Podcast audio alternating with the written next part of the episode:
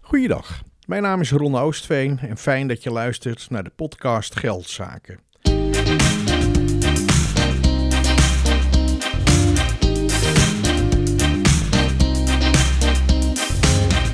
Deze podcast informeert je over alle zaken die met geld te maken hebben. Goede informatie is belangrijk, want geld speelt een grote rol in de maatschappij en dus waarschijnlijk ook in jouw leven. Iedere week wordt er een nieuwe podcast Geldzaken gepubliceerd. Meer informatie kun je ook vinden op de website geldzaken.nu. Deze podcast gaat over de maatschappelijke onrust die met enige regelmaat ontstaat over het inkomen van CEO's van beursgenoteerde ondernemingen. Toen Albert Einstein in 1933 bij het Institute for Advanced Study in Princeton ging werken, werd aan hem gevraagd wat hij wilde verdienen. Het verhaal gaat dat Einstein, die toen al een gerenommeerd wetenschapper was, zo'n 3000 dollar per jaar voldoende vond. Als je dat corrigeert voor de inflatie, dan zou dat nu neerkomen op zo'n 50.000 dollar per jaar. Het bestuur van de universiteit vond dat ontoelaatbaar, omdat andere wetenschappers meer verdienden. Uiteindelijk besloot men hem 10.000 dollar per jaar uit te betalen, verhoogd met 6.000 dollar voor zijn pensioen. Deze anekdote laat zien dat het salaris voor Einstein niet het allerbelangrijkste was, als hij maar kon doen wat hij graag wilde doen. Dat geldt niet voor iedereen. In de media is regelmatig ophef over het salaris van politici, bestuurders van multinationals, goede doelen en natuurlijk over de beloning van Matthijs van Nieuwkerk. Ik ging deze week de straat op en vroeg aan mensen wat ze vinden van het inkomen van een CEO van een Nederlands beursgenoteerd bedrijf. Ik vind de verschillen gewoon te groot tussen mensen die hard moeten werken wat meer verdienen. Dat vind ik goed, maar de verschillen moeten niet zo groot worden. Dat vind ik echt buitensporig uh, bedragen. Wat ik daarvan vind, daar, uh, eigenlijk weet ik daar helemaal niet zo heel veel van af.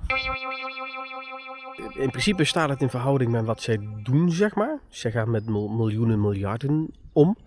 Dus als zij iets weten te bereiken, gaat dat, uh, kan dat heel veel opleveren voor een bedrijf. Dus als je dat in die verhouding uh, kijkt, is, dit, is dat een correcte beloning. Die hebben, die hebben altijd meer geld dan wij, dus dat is, dat is alles. Bij ons, bij ons knibbelen ze en knabbelen ze het geld af om ja, meer belasting, meer belasting. En ja, voor de rest, ik weet niet wat hun ervoor betalen, maar ze houden op het eind denk meer over als wij. Ik lees de krant en dan hoor je wel overal dat, dat die beloning aan de hoge kant is. En uh, een probleem vind ik wel nu in deze tijd dat mensen daar dus wel de nadruk op leggen. En dat er ook bepaalde uh, bestuurders, zeg maar, toch wel heel erg aan zichzelf denken.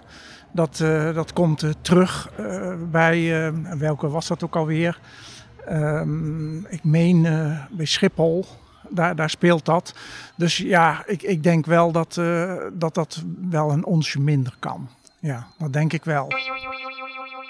Ja, weet ik. Nooit echt over nagedacht. Wat ik hoor in het nieuws is dat ze uh, heel veel verdienen en heel veel bonussen krijgen. Um, en dat vind ik wel een beetje raar. en de vraag is of dat terecht is. Maar ik heb er nog nooit verder in verdiept. Het is alleen de signalen die ik uit het nieuws krijg. Ik vind dat uh, bij elke, uh, op elk vakgebied iemand betaald moet worden naar, uh, naar wat hij doet. Ik denk dat die welvarender zijn dan ik. Dus good for them. Goed voor ze, denk ik. Een goed moment om stil te staan bij de top 3 van de meest verdienende CEO's van Nederlandse AIX-fondsen. Op nummer 3 McKinstry van Wolters Kluwer. Zij verdiende vorig jaar 15,7 miljoen euro. Nummer 2 Van Beurden van Shell. Hij ging met 9,5 miljoen euro naar huis. En op nummer 3 van Boxmeer Heineken 8,8 miljoen euro. RTL Z berekende dat de nu 58-jarige Belg in de 15 jaar dat hij bij Heineken aan het roer stond, al zo'n 88 miljoen euro aan salarissen en bonussen heeft ontvangen. Overigens is de winst van Heineken de afgelopen 15 jaar ook fors toegenomen.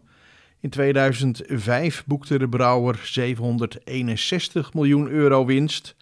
Vorig jaar was dat drie keer zoveel, 2,3 miljard. Een hele mooie prestatie.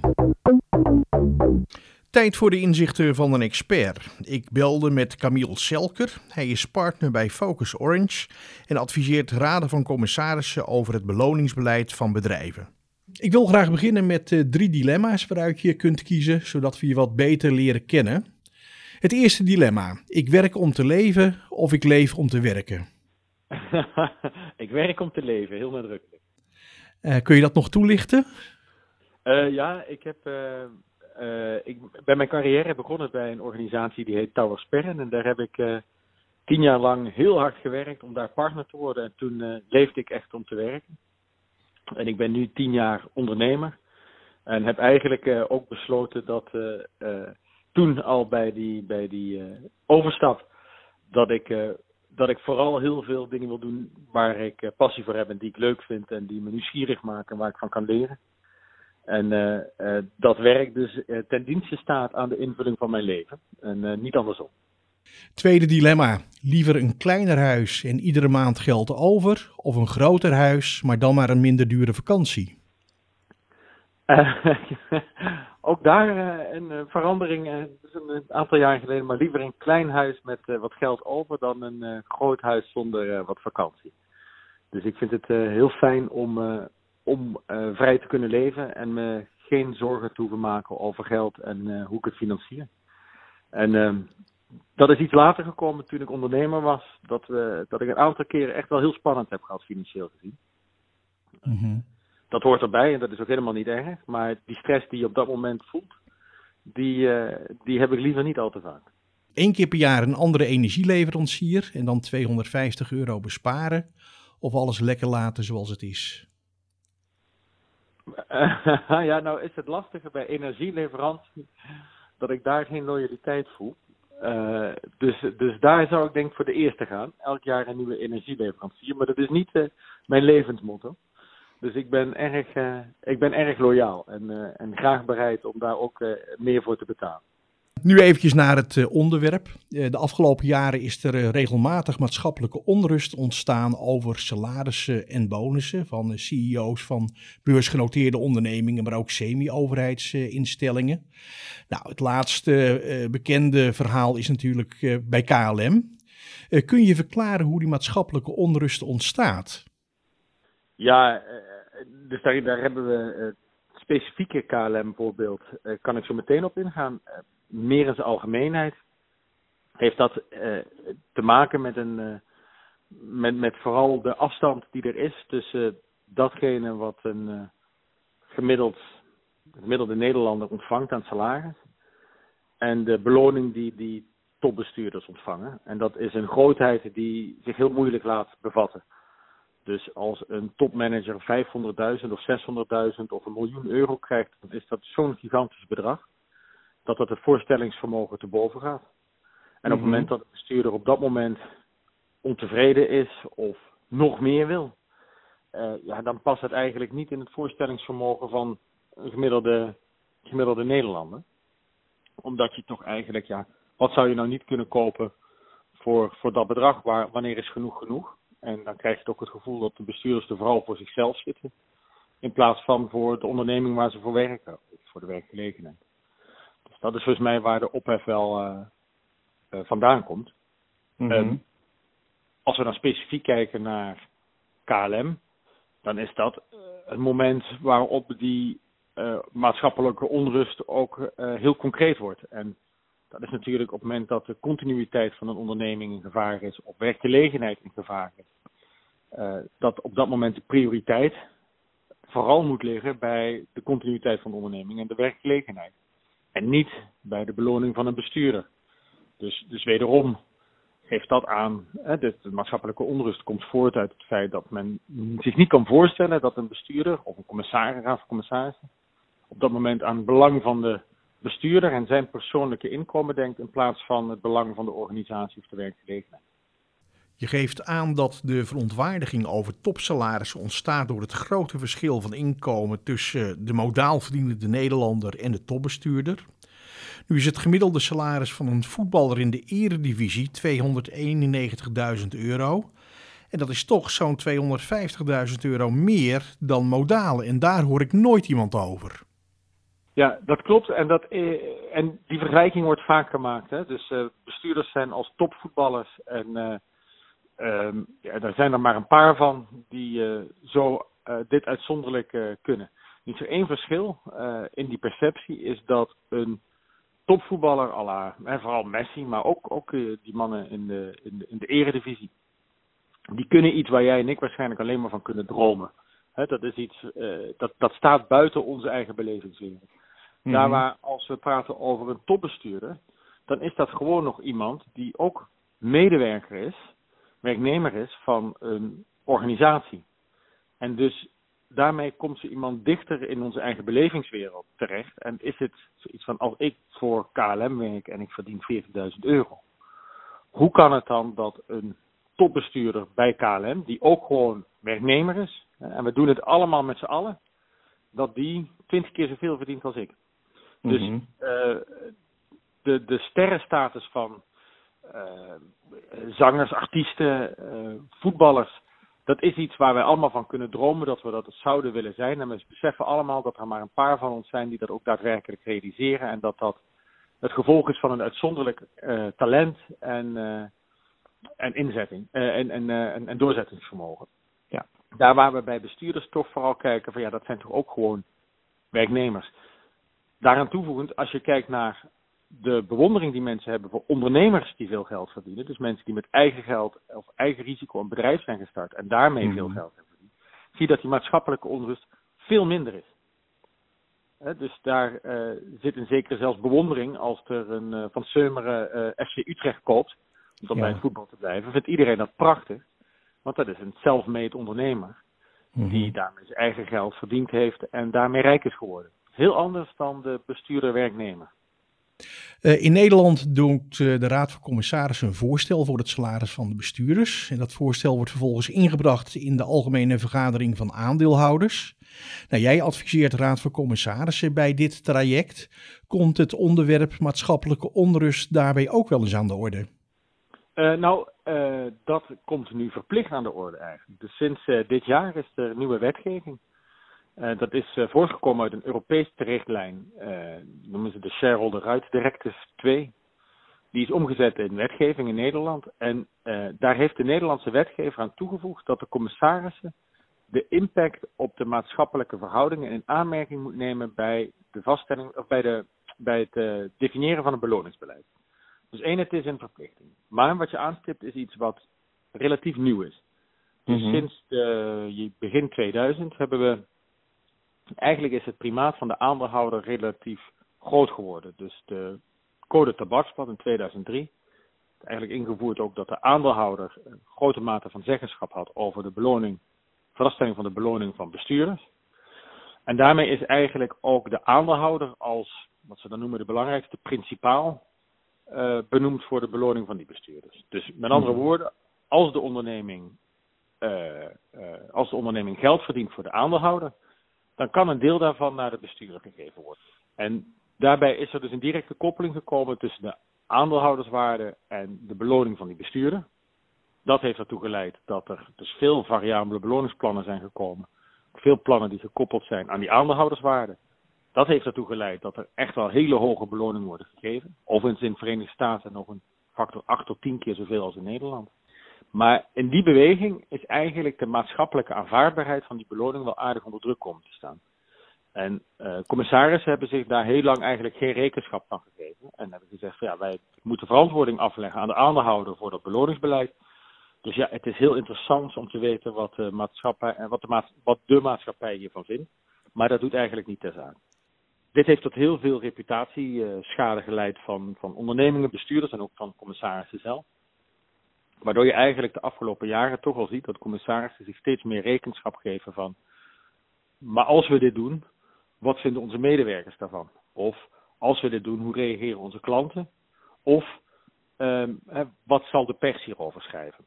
Dus uh, het is er mondjesmaat uh, ingekomen. Nu sinds, sinds kort is het dus een, uh, een wettelijke verplichting. En ontkomt men er niet aan. Oké, en, hoe reageren Raad van Commissarissen dan op die nieuwe wet en regelgeving?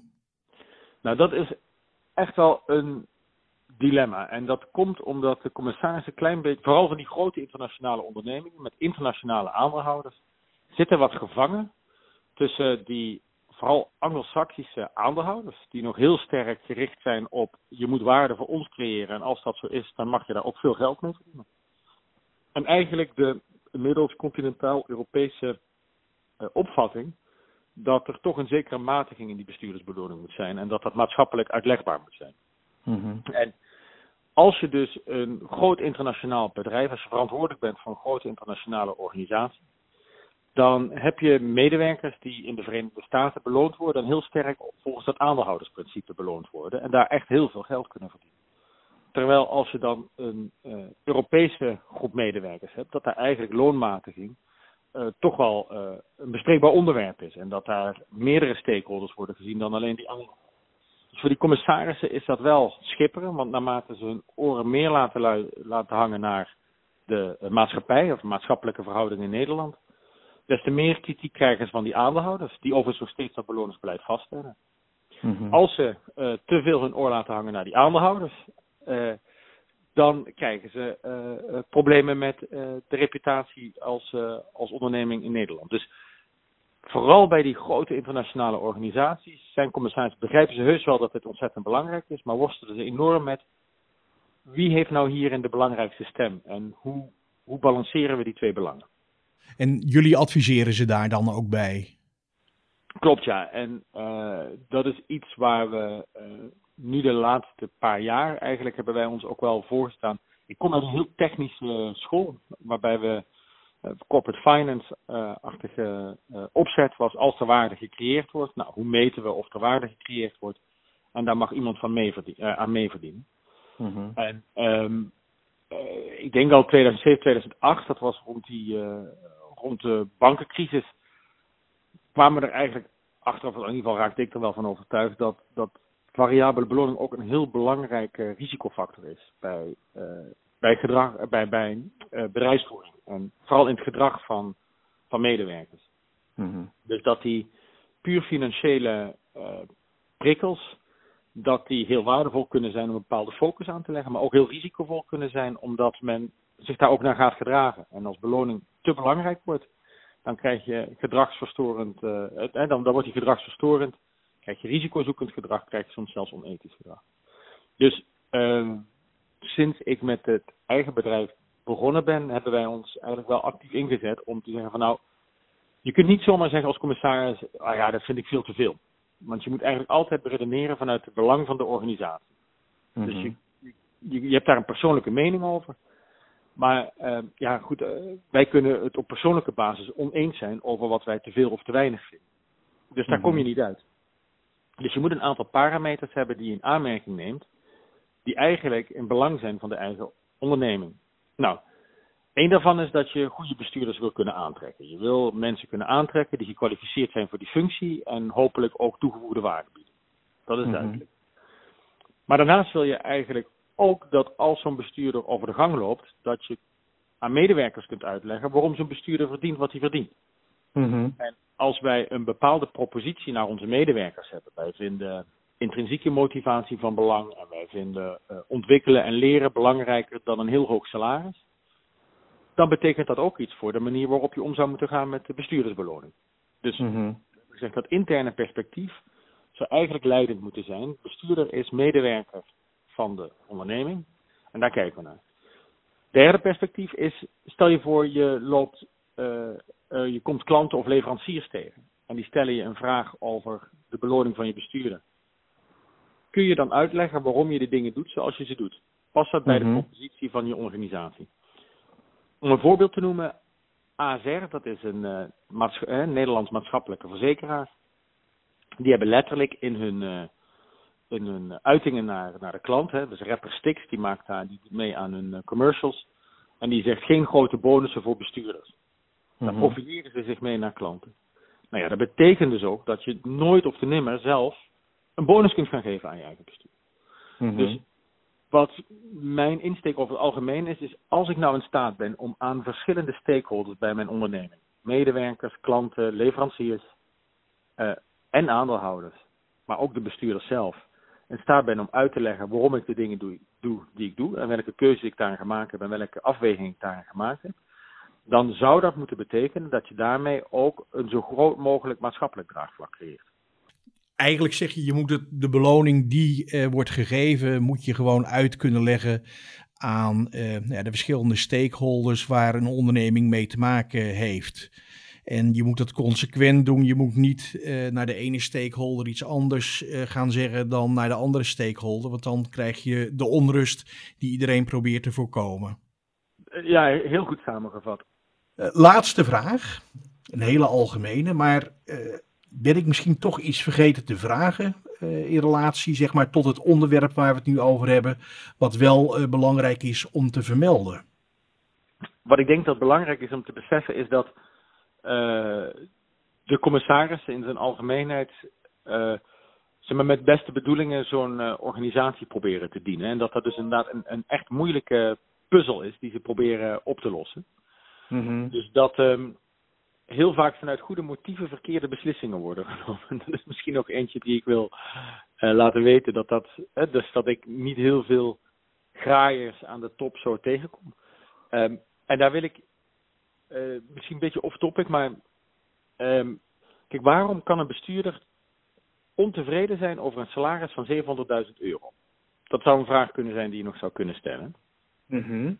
um, je wil, zal ik hem ook beantwoorden gelijk. Ja, graag. Uh, en dat heeft alles te maken dat wij geneigd zijn om relatief te vergelijken. En um, op het moment dat ik in absolute zin 700.000 euro verdien, dan is dat heel veel geld. Mm -hmm. Maar op het moment dat ik minder verdien dan de mensen die in dezelfde functie zitten uh, uh, als ik, dezelfde verantwoordelijkheid hebben. Uh, maar als ik dan minder verdien, dan voel ik mij toch nog tekort gedaan. En het beste mm -hmm. voorbeeld dat ik daarvan kan geven is een, is een, is een hele oude klant van mij die ooit HR-directeur was. En een van de weinige HR-directeuren in die tijd die in de raad van bestuur zat van een beursgenoteerde onderneming. HR zat toen nog niet zo heel vaak in de raad van bestuur. En toen hij in de raad van bestuur kwam, toen werd hij daarmee een van de best betaalde HR-directeuren van Nederland. Mm -hmm. En ik kwam hem tien jaar later kwam ik hem tegen. Toen was hij lang iets anders gaan doen. En toen uh, begonnen we weer met elkaar te werken. En toen had ik het erover dat ik hem heb leren kennen als de best betaalde Nederlandse HR-directeur. Mm -hmm. Waarop hij zei van, dat is grappig dat jij dat zegt. Zeg maar, ik heb die jaren ervaren als relatieve armoede. En toen zei ik, hoe is dat? Hij zei, nou, hij ging dan wel in zijn salaris heel erg vooruit, maar hij kwam in een raad van bestuur terecht. En laten we zeggen dat hij 450.000 euro per jaar verdiende. Zijn een gemiddelde HR-directeur mm -hmm. van zo'n bedrijf verdiende 250.000 euro. Dus hij verdiende al twee ton meer dan de gemiddelde HR-directeur. Maar zijn mm -hmm. referentiekader werden zijn andere bestuursleden. En die verdienden 600.000 en de CEO 900.000. Mm-hmm. Dus hij voelde zich eigenlijk de mindere in die raad van bestuur en hij kon zich minder veroorloven dan de andere leden van de raad van bestuur. En dat maakte dat hij, ondanks dat hij dus een 200.000 euro opslag kreeg, die jaren eigenlijk relatief ongelukkig geweest is over zijn salaris. En daarom is het dus ook zo dat voor bestuurders, dat, dat is een van de grote systeemfouten, is dat bij dat benchmarken die dat gedaan wordt, die marktvergelijking die gemaakt wordt, daar altijd relatief vergeleken wordt. En er is altijd wel iemand in dezelfde positie die meer verdient dan jij. Mm-hmm. Dus er is altijd wel een gevoel van onredelijkheid dat je kunt hebben. Dus vandaar is het des te belangrijker om andere eikpunten, andere ankerpunten te nemen als eigen medewerkers. Wat zou de klant hiervan vinden? Wat vindt de maatschappij hiervan? En niet alleen dat bedrijfseconomische vergelijking. Tot zover het interview met Camille Selker. Dit is ook gelijk het einde van deze podcast. Volgende week is er natuurlijk weer een nieuwe podcast Geldzaken. Ik hoop dat je er dan ook weer bent.